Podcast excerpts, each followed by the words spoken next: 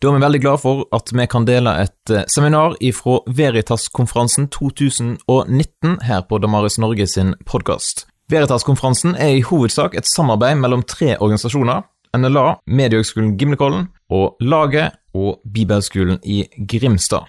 Og Vil du vite mer om Veritas-konferansen, så går du til veritaskonferansen.no. Her kommer dagens seminar. Ja, vel møtt til seminaret for boknerder som meg sjøl. Et litt smalt tema, men eh, viktig og interessant, syns jeg. Det jeg skal si, det handler om ei bok som jeg håper å få i hende i morgen. Da kommer hun fra trykkeriet med trailer sendt til oss i forlaget. Boka om boka heter hun.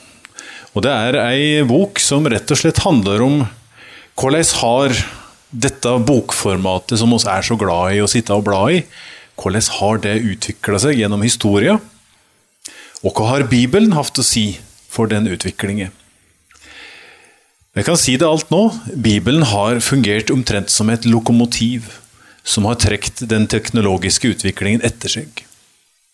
Uten de første kristne ville oss kanskje ha brukt bokruller enda. Hvem veit? Jeg skal starte med et uh, lite familiebilde. Kanskje er det et brudebilde. Det er et, uh, et yngre par. Han uh, heter Terentius Neo og er baker. Kona veit oss ikke hva heter. Um, oss veit ikke hvor gamle de ble.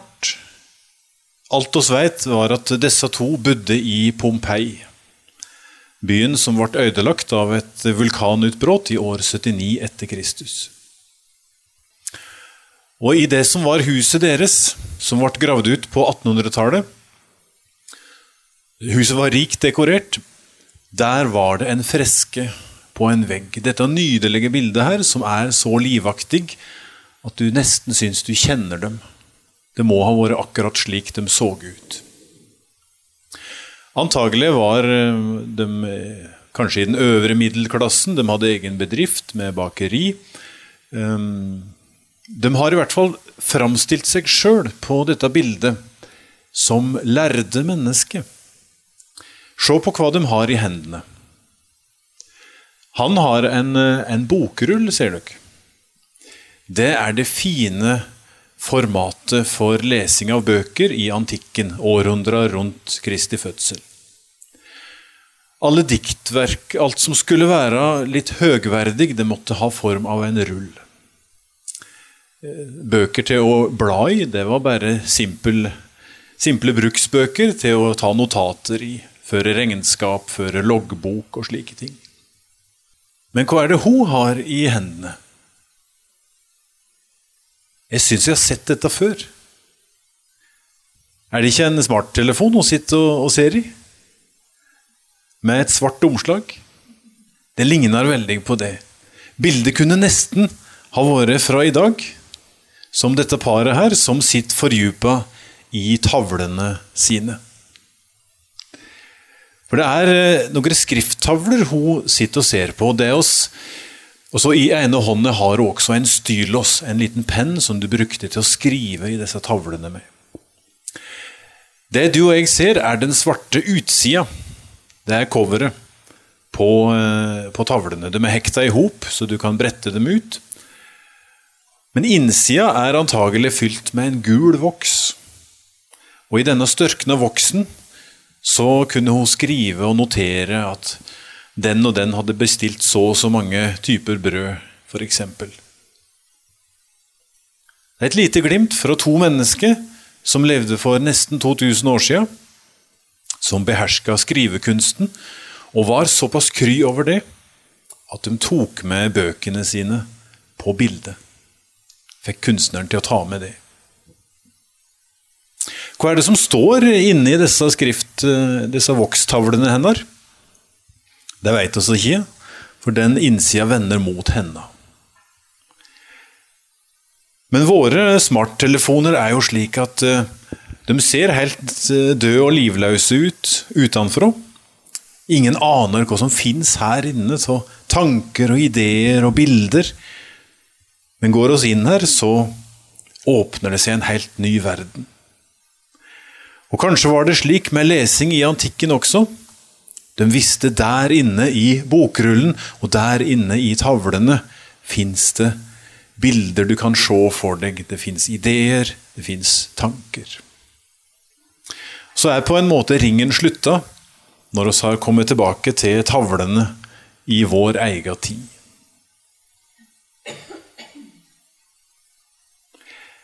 Jeg skal ikke gå fullt så langt tilbake som til Pompeii nå. Hva er det vi ser her? Det er ei stor bok. Det er en bibel. Det er den første trykte bibelen i verden. Og Det er Gutenberg-bibelen dere ser en kopi av her.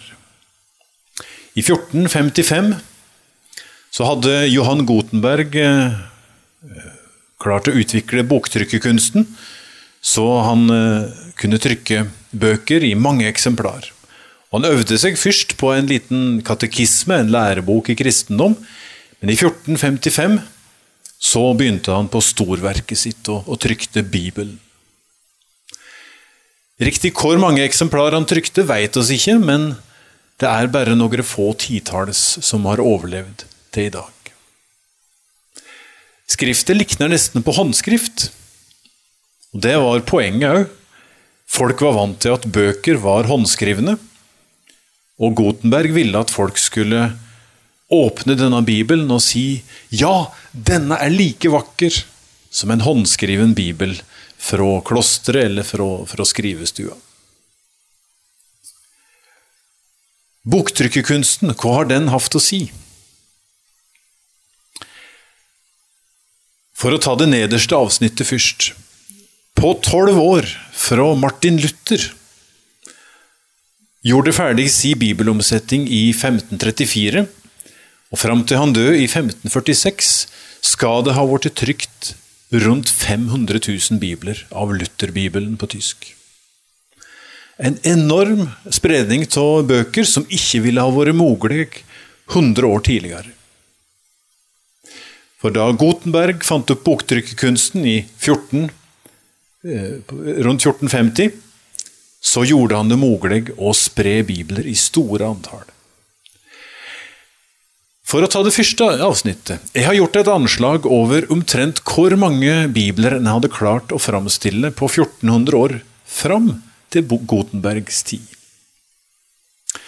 Tallet på bibler som en har bevart eh, hele eller deler eller rester av, er ca. 25 000 fra denne perioden.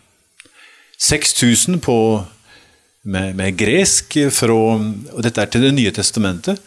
6000 på gresk, 10 000 på latin, en del på syrisk og koptisk og arabisk og gotisk og en del andre gamle språk. Men alt måtte skrives for hånd, og det å håndskrive en hel bibel kunne ta opptil et år i arbeidstid. 25 000. Hvis oss gjør et grovt anslag og sier at kanskje de representerer 5 De som har overlevd, representerer 5% av de biblene som ble framstilt i denne perioden, så kan det kanskje ha vært framstilt 500 000 bibler for hånd fram til Gutenberg og Luthers tid. Da ser dere hva boktrykkerkunsten har hatt å si. En halv million bibler på over 1000 år.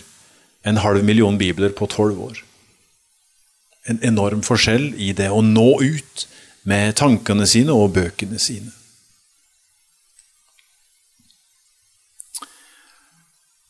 Ja, jeg beklager, her kommer en litt trist del av foredraget, men her ser dere altså en kalv. Og Kalveskinn er det store skrivematerialet helt fram til Gutenbergs tid. Gutenberg levde i ei overgangstid, slik at han trykte noen av biblene sine på papir. Det var det nye på 1400-tallet. Men han trykte også en del av dem på pergament, bearbeida dyreskinn. Hvordan skal du få tak i pergament? Vel, du er dessverre nødt til å drepe eieren og flå dyret. Altså, du må Den som har skinnet, må bøte med livet for at du skal kunne få det. På en måte har alle skrivematerialer gjennom historien hatt en, en levende forhistorie. Kalven sprang rundt. Da Gutenberg trykte sin bibel, må han ha tømt hele området rundt Mainz i Tyskland for kalver. Han eh, trang antagelig skinn fra 5000 kalver for å trykke sin bibel. Da ender du opp med et kalveskinn. Formen på det er eh, rektangulært. Nå skal jeg ta en liten tur til en bokhandel i dag. Hvis du tar med deg en linjal og går inn på en bokhandel nede i Grimstad, og så begynner å sjekke hvordan bøkene ser ut. Hvordan ser de da ut? Jo, de har et rektangulært format. De er litt høyere enn de er breie. Hvorfor er ikke bøkene kvadratiske? Eller i sånt liggende format? Jo, en del har det. Men det store flertallet av bøker som blir trykt, er nettopp rektangulære. Ca. 1,5 gang så høye som breie. Hvor kommer dette formatet fra? Og Svaret er det kommer helt fra skapelsen, eller i hvert fall fra slaktebenken. For når du da tar et dyreskinn og begynner å bearbeide det, så ender du opp med et eh, rektangulært skinn. Når du skjærer av bein og ujevne kanter og slike ting på, på skinnet. Men dette er jo et veldig stort ark som du trykker på. Så må du begynne å dele det opp. Du bretter det én gang og deler det. Ja, men det ble et rektangulær, form likevel. La oss dele det en gang til. Nei, det ble rektangel nå også. Samme hvor mange ganger du deler et slikt ark laga av et dyr, så får du en rektangulær form på arket. Så Det er dagens første fun fact. Grunnen til at våre bøker er eh, rektangulære, er at dyr er rektangulære. Om det er en sau, ei geit, en, en kalv, så har de denne formen at de er litt lengre enn de er breie. Og Da en gikk over til papir, så kunne en i prinsippet forme arka slik som en ville. Men trykkemaskinene, trykkepressene, var alt tilpassa den rektangulære formen, så en fortsatte å trykke store rektangulære trykkark i de samme maskinene, men av papir. Og Så har denne vanen holdt seg helt til i dag. Slik at du og jeg i dag også er vant til at ei, ark, at ei bok er rektangulær. Men det var dyrt å skaffe skinn til en hel bibel. Pergament brukte en helt ifra antikken. Det må ha vært en enorm kostnad å skaffe skinn bare til la oss si et Nytestamentet. Hvis du tar en litt stor, flott bibel fra før år 500, la oss si fra 300-tallet, og så har du bevart et par praktbibler fra 300-tallet, så er arket ganske store, 40 ganger 40 cm. Hvis du da eh, tok utgangspunkt i geiteskinn, så trang du en god del dyr. Bare Nytestamentet-delen av en slik flott praktbibel fra 300-tallet er på 300 sider, altså 150 ark. Og for ei geit fikk du to ark. Så Du måtte altså ha skinn fra 75 dyr for å framstille ett eksemplar av et Nytestamente. Og Det representerer en voldsom kostnad. I dag så ville så, mye, så mange geiter, så mange småfe, koste over 100 000 kroner. Så folk i antikken hadde ikke mange bøker. De var dyre og kostbare. Og eh, eh, gjerne så var det bare i, eh, i, forsamlingen, i menigheten, at de kristne hadde, hadde bøker.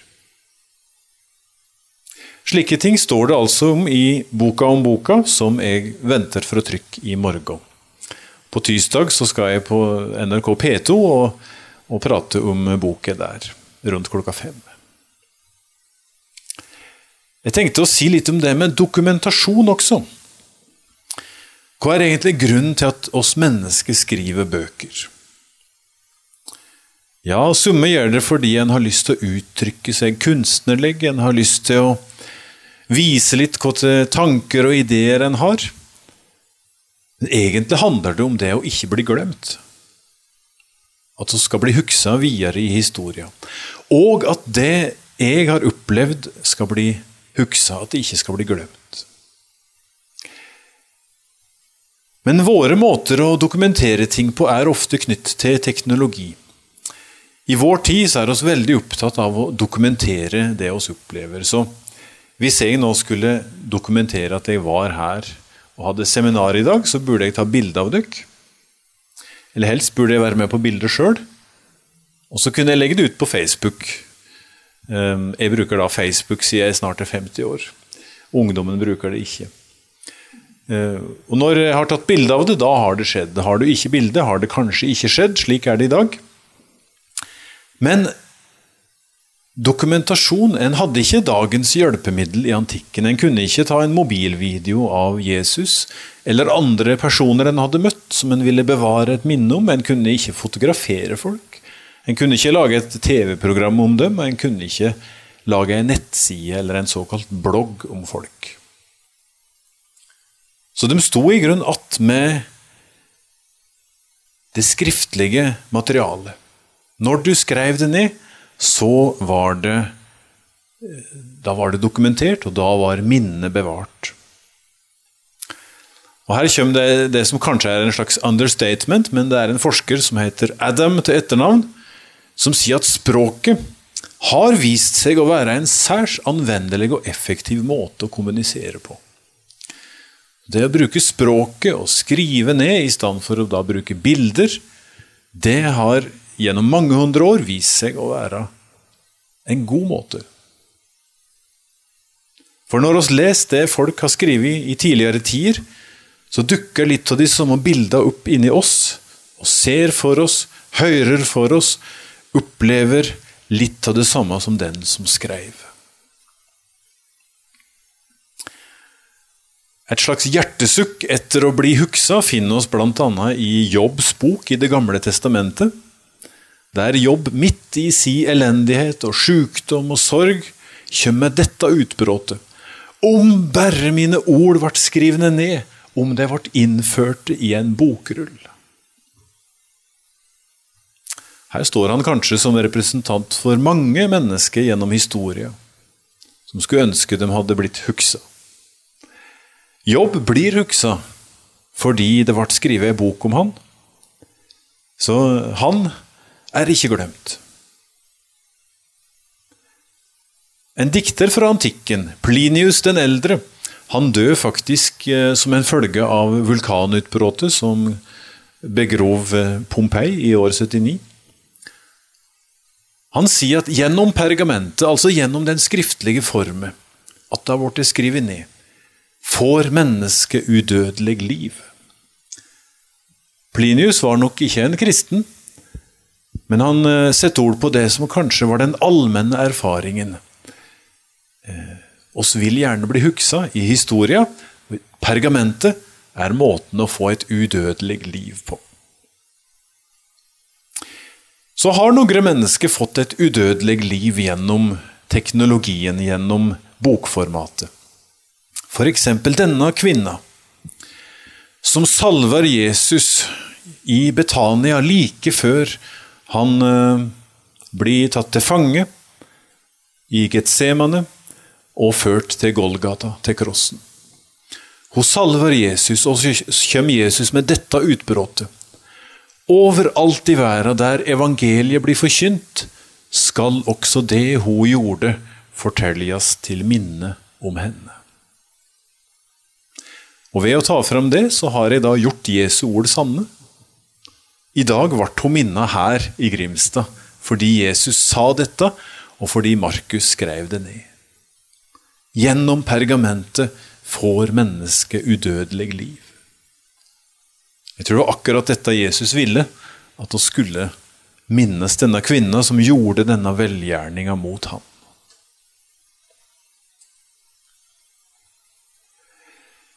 I vår tid er oss jo vant til det at um, ting går litt fort. Før så kunne du vente litt med å postlegge et brev. Eller hvis du hadde postlagt det, og eh, angra på det du skrev, at det var litt for krast, så kunne du ringe til mottakeren og si at 'hør her, du kommer til å få et brev av meg i dag', men bare kast i ovnen. Eh, jeg angrer på det jeg skrev. Men når du har trykt på send-knappen eller publiser på sosiale medier, da er det ute. Prøver du å slette det, så kan noen andre ha kopiert det i mellomtida. Så der er det ingen vei tilbake. Også i antikken så har en en bevissthet om dette at av og til er det lurt å vente med å publisere det du har tenkt. Dikteren Horats i århundret før Kristus han sier Legg pergamentet bort til det niende året, når du har skrevet det. Du kan alltids slette det du ikke har gitt ut, men straks det er ute, kan du ikke kalle det attende. Det er nok ingen av oss som venter ni år før oss publiserer noe vi har skrevet på Facebook, men påminninger fra Horats kan i hvert fall hjelpe oss til å kanskje tenke oss om ei lita stund før oss trykker på send.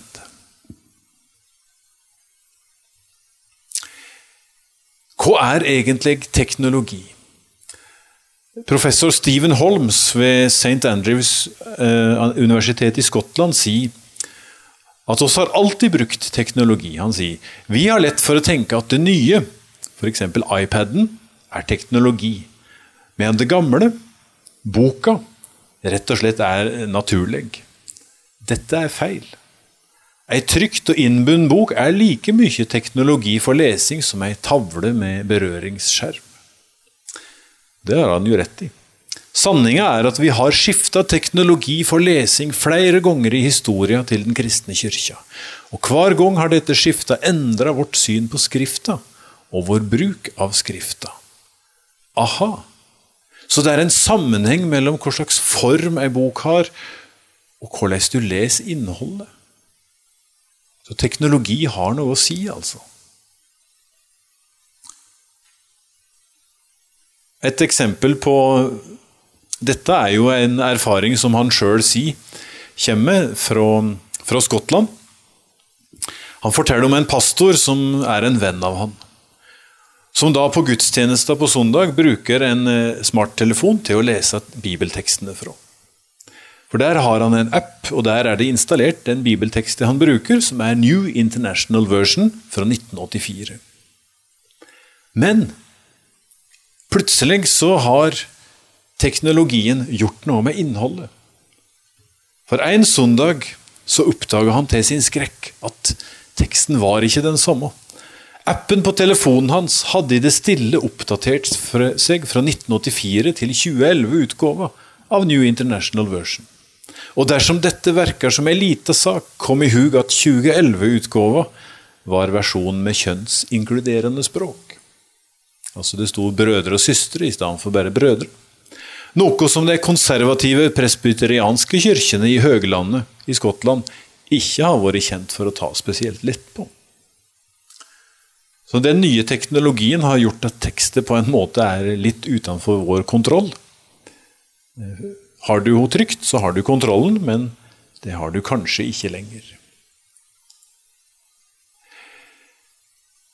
Et viktig skifte i teknologi skjer jo når en begynner å skrive i bokform. Det skal jeg si litt om nå. For å ta steget tilbake til antikken eh, og hvordan ei bok var da, så har jeg sett opp to ark ved sida av hverandre. Dette er en øving som jeg er veldig glad i å gjøre. Disse to arkene er egentlig like.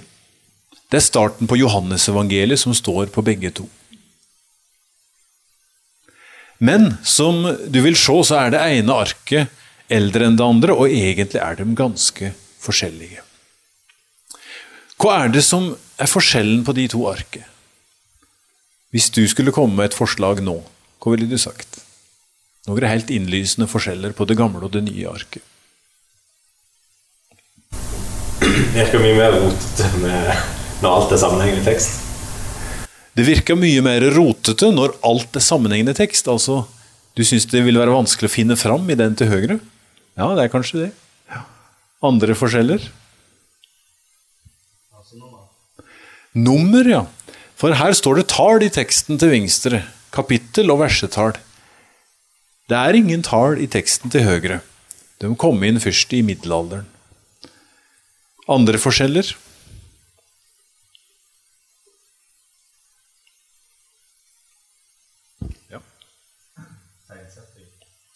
Tegnsetting er det veldig lite av. Vi kan forstørre den litt. Her er det veldig dårlig med komma og punktum. Det er en del andre forskjeller dere ser. Hva er skrivematerialet her, f.eks.?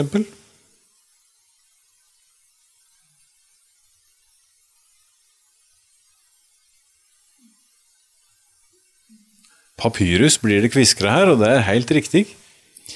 Det er dette skrivematerialet her. Dette er et ark av papyrus, framstilt på samme måte i dag som i antikken. Det er eh, stilken i papyrusplanta.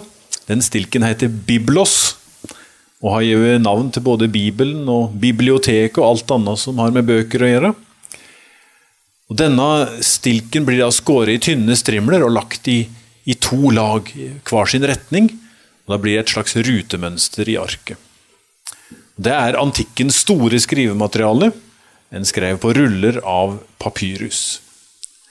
Seinere overtok altså pergament, dette er, eh, skrivematerialet laga av dyreskinn. Dette arket er eh, kjøpt eh, i vår tid. Det er et ordentlig dårlig pergamentark. Det er altfor tjukt, altfor stivt. I antikken og middelalderen hadde det mye tynnere mjukere skinn som du kunne bla helt lydløst i. Det eneste pene jeg kan si om det arket, er at det er kjøpt i Pergamon, byen som var kjent for å framstille pergament. Så er det en del andre forskjeller. Her er ikke oppfunnet enda forskjellen på store og små bokstaver, f.eks., og de har enda ikke begynt å lage mellomrom mellom ordet. Men jeg skal ikke gå lenger inn i det. Men se på disse to arkene her. Det til venstre er bl.a. delt opp i avsnitt, og det er overskrifter her og der. I tillegg er det en liten oppslagsdel nede i hjørnet, et lite leksikon nesten. Så det er ei veldig oppdelt tekst, mens den til høyre er øh, rotete, sa du, men den er i hvert fall sammenhengende. Kanskje vanskelig å finne fram i når det ikke er versetall og ikke tegnsetting. Men hva har formatet og teknologien her å si for bruken?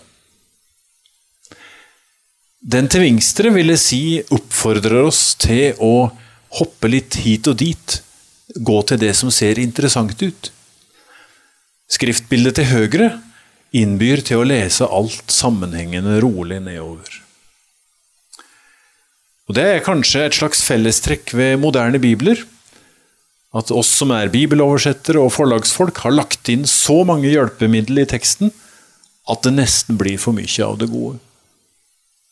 For originalen er altså ei sammenhengende tekst i ei spalte uten tegnsetting og versetall. Omtrent som ei slags romanside. Jeg sa at den gamle tekstet innbyr til sammenhengende lesing så ser vi at her og der i Det nye testamentet så blir det oppfordra til høytlesning. Bøkene skal deles i fellesskapet. En som kan lese, skal stå fram og dele det med de andre ved å lese det høyt. Jeg byr dykk ved Herren at dette brevet skal leses opp, skriver Paulus til tesalonikerne.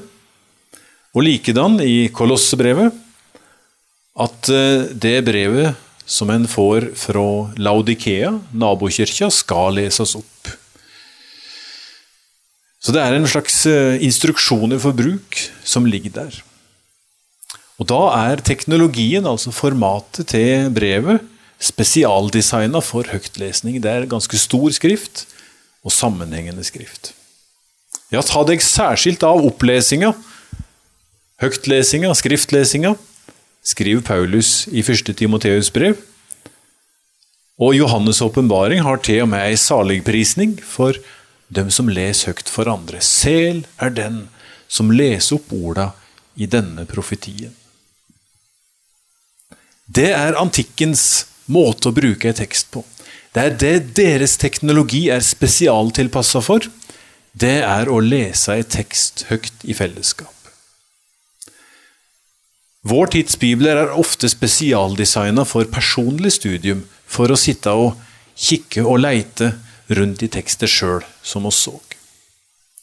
Da ser vi at teknologien og formatet har noe å si for bruken. Noen av dere har kanskje sett en sketsj som NRK og Underholdning laga for en del år siden.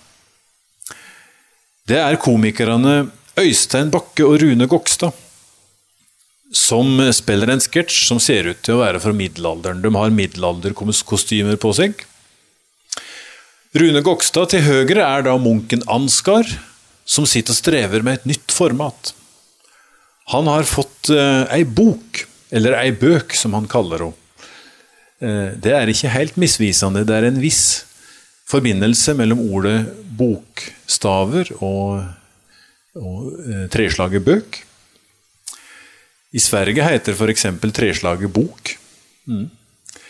Men han klarer ikke å takle overgangen fra ruller, som han da har brukt til nå, til eh, bokformatet. Og da kommer Øystein Bakke inn i form av såkalt helpedesk, en tjeneste i klosteret som driver med hjelp eh, i eh, skifte av teknologi, og instruerer han hvordan han nå skal bruke boka. At det går an å bla fra side til side, f.eks. Og så sier han da når du har holdt på med skriftruller, tek det litt tid til å konvertere, til å bla i ei bøk. Ordet 'konvertere' er interessant, fordi det er jo det en gjør når en tar i bruk ny teknologi. Da konverterer en til et annet format. Denne sketsjen er fornøyelig. Den heter 'Helpdesk i middelalderen', og jeg vil anbefale dere å se den på YouTube.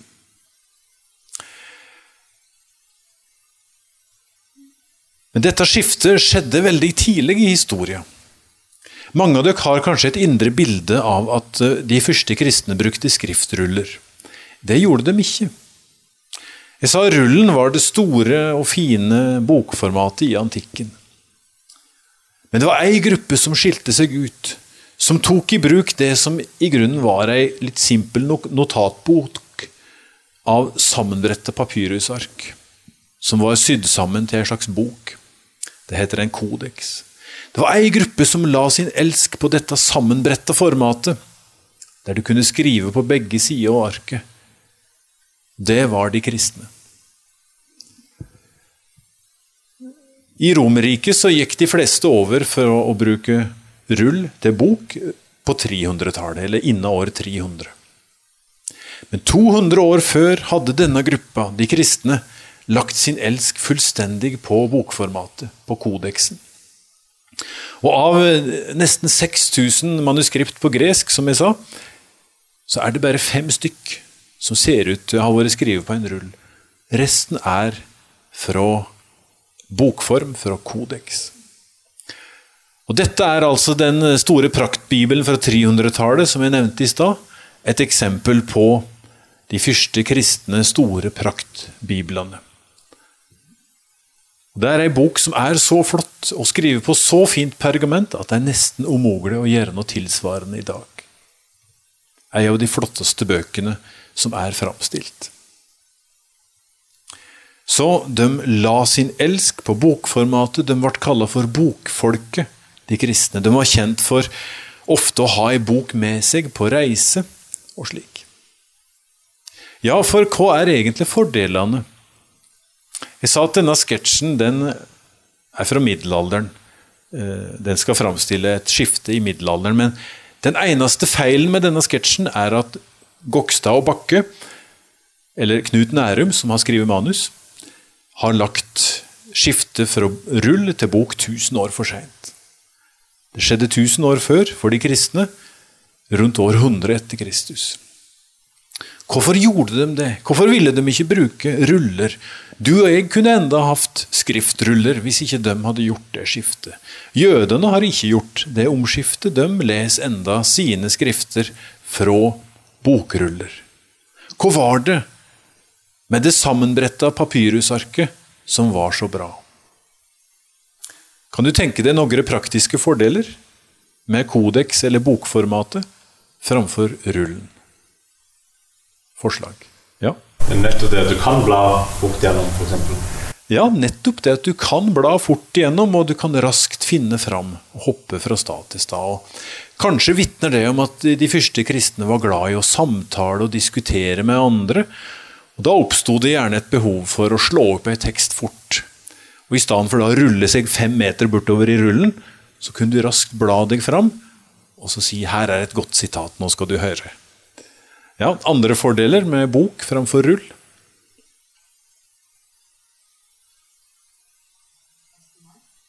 Det er plass til mer, faktisk. For en rull blir ganske upraktisk når den begynner å bli en 10-12 meter lang. Men i en bok, en kodeks, så kan du sy sammen så mange slike sammenbretta ark som du bare har lyst til. Og det fins eh, kodekser fra antikken som har vært på over 200, kanskje 300 sider med tekst. For de kristne begynte å samle bøkene sine og lage ett stort bind av de fire evangelia, f.eks. Slike bøker er funnet fra 200-tallet. Eller å samle alle Paulusbreva i ett bind. Slike bøker fins òg fra før år 200. Så det var praktisk å samle, samle bøker i. Dessuten var det kanskje lettere å gjøyme hvis du var utsatt for ei forfølging. Det var lett å ta med ei slik bok på reise, hun tok mindre plass enn en rull som var rulla opp på to pinner.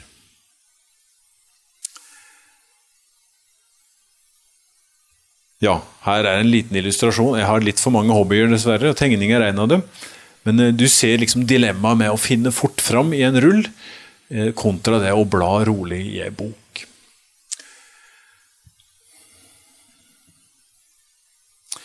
Det er et eller annet med Roma og bokformatet. Så nå skal jeg bruke slutten av seminaret på å si litt om Roma.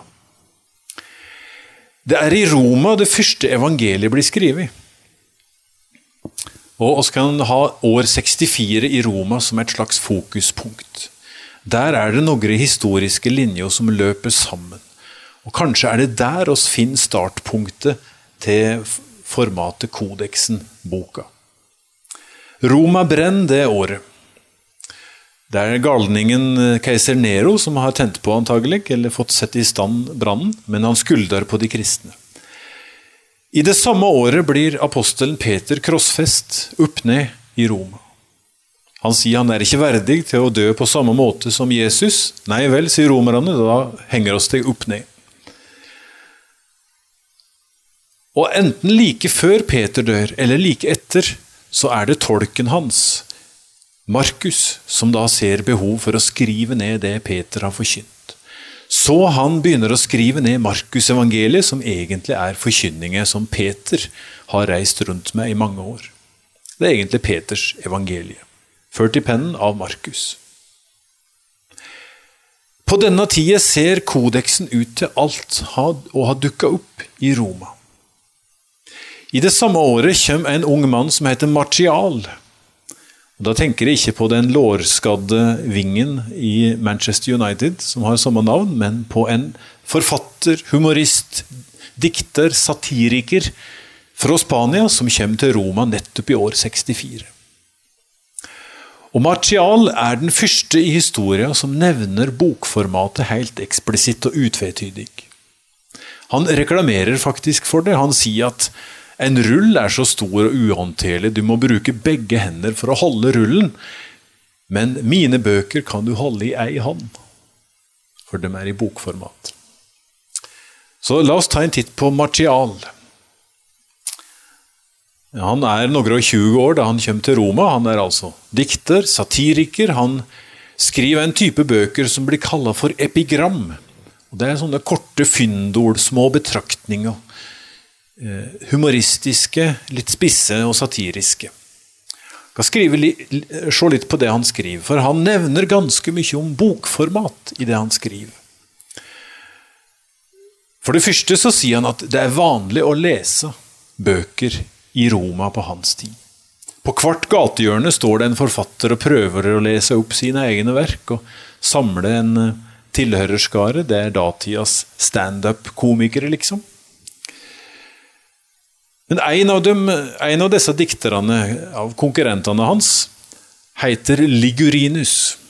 Og denne Ligurinus er en helt håpløs dikter, syns Martial. Men denne Ligurinus han prøver å imponere Martial, og følger etter han overalt for å lese bøkene sine for ham. Og Dette er et lite innblikk i hvor ivrige folk kunne være på boklesing i antikken. Glimt fra Roma like etter år 64. Ligurinus, du leser for meg når jeg springer, du leser for meg når jeg står, du leser for meg når jeg sitter, du leser for meg når jeg skiter. Jeg rømmer til badet, du gjaller i øyra mine, jeg setter kursen mot bassenget, jeg får ikke svømme. Jeg skunder meg til middagen, du stanser meg på vegen. Et glimt av en ivrig høytleser. Og han fortsetter. Denne Ligurinus har tydeligvis hatt det med å invitere folk til middager eh, på en restaurant f.eks. under påskudd av at han, eh, han skal oppvarte dem, men det han egentlig vil, er å lese for dem, for da har han dem fanga. Og Martial skriver jeg tek sandalene av meg, straks kommer ei tjukk bok på bordet mellom salaten og sausen. Ei anna blir lesen medan den første retten henger over elden. Så følger ei tredje bok, og desserten er ennå ikke kommet inn. Og du leser opp en fjerde, og til sist en femte skriftrull. Hadde du servert meg villsvin så ofte, ville det ha stinka. Om du ikke sender de fordømte dikta dine dit makrellen bur, kan du i framtida holde middagene dine hjemme hos deg sjøl, sier han. Så Han er lei av all denne lesingen. Men sjøl reklamerer han eh, for bøkene sine men ikke uten humoristisk sans. Han er klar over at bøkene ikke er perfekte, og skriver med datidas plantebaserte blekk på papyrus, så går det faktisk an å vaske av skrifta. Så han sier til en mottaker som heter Faustinus Lat en kartagisk svamp, altså en svamp fra Kartago, en kystby i Nord-Afrika, Lat en svamp følge med boka, for det er et passende tillegg til gåva. For sjøl om du gjør mange utstrykinger, Faustinus, vil det ikke feile, fjerne alle feilene mine, men det vil en omgang med svampen. Han er en humorist. Og så reklamerer han for bøkene sine. Han skriver en slags reklametekst. Du som gjerne vil ha bøkene mine med deg overalt og ønsker å ha deg som reisefølge på ei lang ferd. Kjøp et eksemplar der pergamentarka er samla i et lite format. Bruk bokhyller til store bind. Meg, og da let han boka tale i eg-form, meg kan du halde i ei hand. Det er hans reklame for at hans bøker er å foretrekke. De er i, i bokform. Dette er litt av det som skjer i Roma Kodeksen, bokformatet, har kommet dit. Kanskje har det oppstått i Roma. Det fins et spor som tyder på det. Og her er faktisk Martial og Peter og Markus i Roma på samme tid, akkurat i år 64. Martial er kommet dit. Han er en av de første som tar formatet i bruk. Kanskje er også Markus det. Kanskje er Markus en av dem som sier omtrent det samme som Martial. Jo, det er praktisk med ei bok du kan holde i ei hånd. La oss skrive evangeliet i ei notatbok. Og så blir det det kristne bokformatet. For en kristen på 100-tallet sier at Markus var tolken til Peter. Det var han som skrev ned Markusevangeliet etter forkynningen til Peter. Han skrev ned nøyaktig alt det han huksa av det som Herren hadde sagt og gjort. Det Peter forkynte, det skrev Markus sida ned. Og Da skal jeg da avslutte med det sporet som jeg nevnte. Det er ett spor i Roma etter en person som kanskje er opphavet til vårt bokformat. Som kanskje var den første som ikke skrev tvers over arket, men bretta arket. Som lagde sida lagde en slags spalte midt på arket og bretta det og lagde bok. Og hvem er de? Det er kanskje verdens mest kjente romer som blir tilskrevet denne oppfinningen av bokformatet. Det er Julius Cæsar. Altså, det fantes før tavler av tre som du kunne binde sammen to, tre, fire, fem av. Som eh, bakeren og kona hans i Pompeii hadde, som dere så på bildet. Og det fantes ruller av papyrus, dette lette, fine skrivematerialet. Men det var ingen som hadde kommet på å koble de to ting sammen og lage ark av det lette materialet papyrus. Men historikeren Sveton, Svetonius blir han ofte kalt, han skriver om, om Cæsar at han ser ut til å ha vært den første som gjorde rapportene Altså, han skrev jevnlige rapporter til Senatet.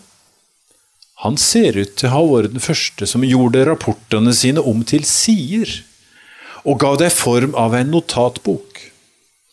Medan konsuler og generaler tidligere brukte å sende slike som var skrivende tvers over arket. Altså, du skrev fra, fra marg til marg. Men Cæsar stoppa halvveis og lagde sider av rapportene sine. Så ifølge denne historikeren er det Julius Cæsar som står bak bokformatet som oss er så glad i, som oss liker å bla oss fram og tilbake i, og som de kristne la sin elsk på helt fra starten, og som kanskje Markus var en av de første som brukte, sammen med Martial, en samtidig dikter. Veit oss sikkert at det var Cæsar? Nei, det veit oss ikke. Andre store ledere blir tillagt andre store bragder. Den eh, tidligere eh, nordkoreanske lederen Kim Il-sung skal ha spilla en golfrunde på 35 slag med åtte hole in one. Og 18 av livvaktene til diktatoren står som vitner om at dette var sant. Det hender ting ikke er helt som det blir sagt. Likevel er dette det eldste sporet oss har etter hvem det var som fant opp vårt bokformat. Å koble de vennbare sidene fra tretavlene med voks i, sammen med det lette materialet du kunne brette til sider, og få mange ark i ei bok. Kanskje var det Cæsar. I hvert fall er det det formatet som oss enda er glad i, som de første kristne la sin elsk på, og som oss har skrevet våre hellige bøker i. I hele denne utviklingen har Bibelen gått i front. Det er de kristne som først går over fra bokrull til bøker. Den første boken som blir trykt, den første store boken som blir trykt av Gutenberg, er en bibel. Da, Mike, da Apple åpna for at deres smarttelefoner, iPhone, kunne få apper, altså tilleggsprogram fra andre leverandører, var en bibelapp en av de 200 første som slapp til, og det var appen U-version i 2008. Så får vi se om vi klarer å ligge i front av utviklingen videre. I hvert fall blir det spennende å følge bokformatet videre. Det var det jeg hadde tenkt å si. Har dere spørsmål og kommentarer? Ja? Uh, I begynnelsen så sa, uh, sa du uh, snakket om 500 000 bibler. Mm. Men da mener du egentlig alt av eh, nytestamentlige tekster? Eller er det for, for, det vil jeg si, det, det virker som en stor kontrast at du plutselig kunne trykke bibler. Mm. Mens de 6000 manuskriptene er vel basert på egentlig til og med enkeltstående tekster og alt. Ja, du henviser til de 500 000 som jeg nevnte tidligere, og det er riktig at de færreste av de 6000 er hele bibler. Det er, det er bare no, noen få titalls av dem som er bevart som hele bibler. Jeg tror det er snakk om 60 stykk. Så uh, de fleste av de en, en del er enkeltstående bøker. En del er bare noen ark, rester av ei bok. Noen av disse 6000 funnene er bare en liten flik av ei bokside. Og Likevel så er den fliken et vitnesbyrd om det som var ei hel bok. da. Men jeg forenkla litt når jeg sa 500 000 bibler. Så kontrasten er egentlig enda større. At det er først med, med boktrykkerkunsten at det virkelig blir fart i bibelproduksjonen. Og det er egentlig bare de siste 200-300 årene at oss har hatt den luksus at hver har sin egen bibel. At Bibelen har blitt så rimelige i trykk at hver kristen kan ha én bibel hver. Jeg har forresten ca. 30. Mm. Andre spørsmål?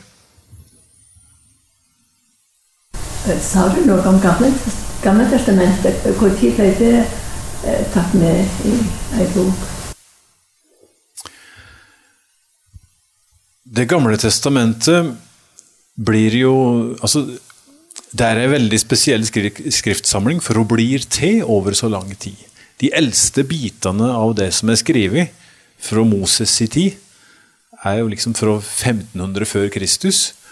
Og de siste delene av Det gamle testamentet blir jo skrevet etter år 500, etter at de har kommet tilbake fra eksil i Babylon. Så det er altså først etter at du har kommet hjem fra Babylon, at du liksom kan runde av og samle hele skriftsamlingen. Um, på et tidspunkt så blir uh, hele denne skriftsamlingen, som oss kaller Det gamle testamentet, omsett fra hebraisk til gresk.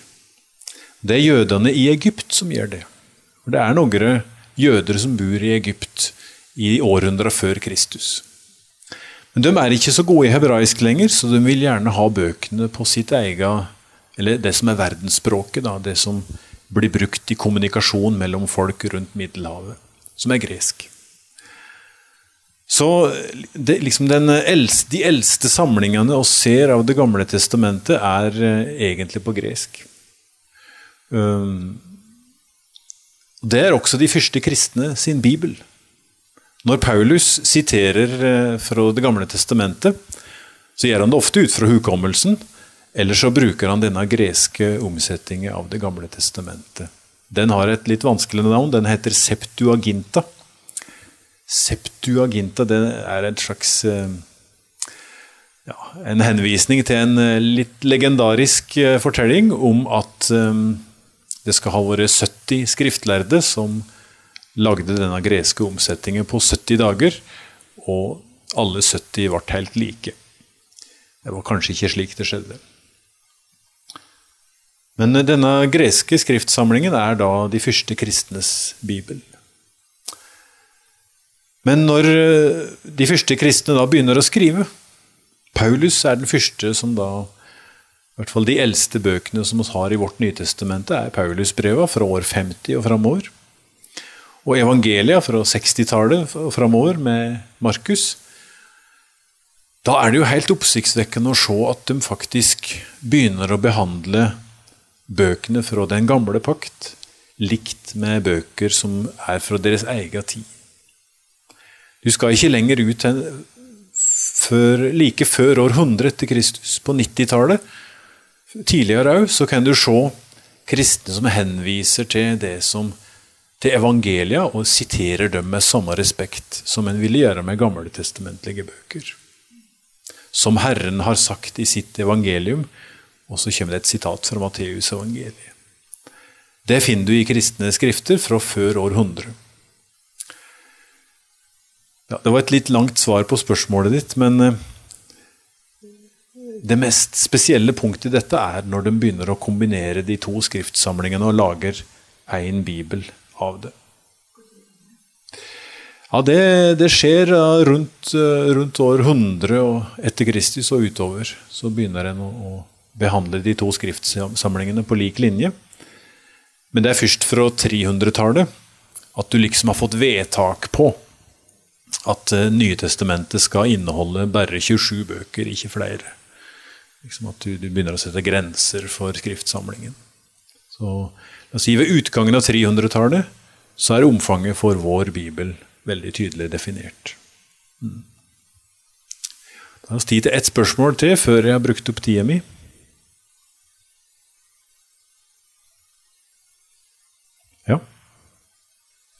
Um, du nevnte at uh, papir var nytt på Gutenbergs tid.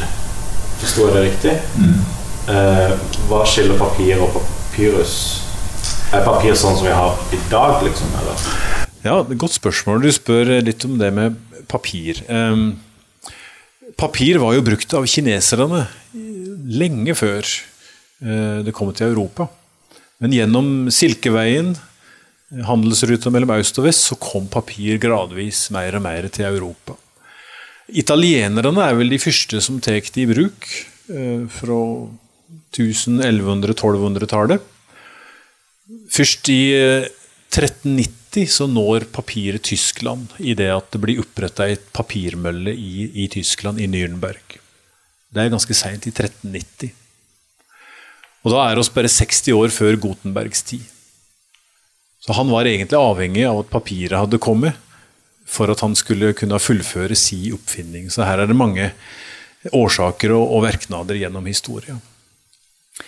Men det papiret som Gutenberg brukte, og som eh, en eh, fant opp i Kina eh, lenge før, det var ikke laga av tremasse som vårt papir. Det er stort sett tremasse fra norske skoger, eller finske, som er i vårt papir. Men det var laga av tekstil. En tok fibrer fra planter som hamp og lin og bomull og løste opp. La det i bløyt lenge, og så brukte han å stampe det, slik at fibrene begynte å gå, gå helt i oppløsning. Så det ble en sånn velling av plantefibrer løst opp i vann. Og denne vellingen tømte en da ut i ei firkanta form som hadde en netting i bunnen. Så vannet rant igjennom, og så ble plantefibrene liggende att i et sånt flak, som da tyrka en hengte det opp til tørk i sola.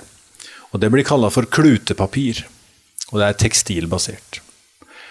Og De eldste bøkene, altså bibler som er trykt på 1500-1600-tallet, er trykt på klutepapir. Da den første norske eh, papirmølla ble starta på 1700-tallet, da brukte en klutepapir. En eh, importerte kluter av eh, tekstil fra, fra Holland, og brukte det til å, å løse opp og lage papir her i Norge. Ehm, og dette er nesten uslitelig. Et ark av klutepapir som er 500 år, det er like fint i dag. Det vil være fullt brukbart om 500 nye år. Men i eh, På, ehm, på 1700-tallet så gikk en over til å bruke tremasse. Billigere, men mindre varig. Det knekker lettere knitrer mer enn dette mjuke, fine klutepapiret. Og det, det smuldrer opp med tida, slik at uh, om 500 år så vil en fremdeles ha biblene fra 500-tallet på klutepapir, mens de biblene vi trykker i dag, antagelig ikke varer så lenge. Det gjenstår å se, da. Ja. Så det var et langt svar på et godt spørsmål. Mm. Da har det gått en time. Tusen takk for at dere eh, hørte på. Det var veldig eh, gode ansikt å prate til. Takk for at du lytta gjennom dette seminaret her. Og Skulle du ønske at flere fikk med seg det gode innholdet, ja, da kan du jo faktisk dele seminaret med noen, eller tipse dem om seminaret i sosiale medier. Vi setter jo veldig stor pris på om du har lyst til å skrive en anmeldelse av Damaris Norge sin podkast på de ulike podkastplattformene. Da hjelper det oss å løfte podkasten opp, sånn at flere får nytte av den. Jeg vil òg nevne at eh, du kan ha mulighet for å kjøpe diverse bøker via nettsida snakkomtro.no, der flere av de som eh, var med på Veritas-konferansen, har sine bøker tilgjengelig der. Så sjekk ut Snakk om tro, og kjøp gjerne ei bok eller to.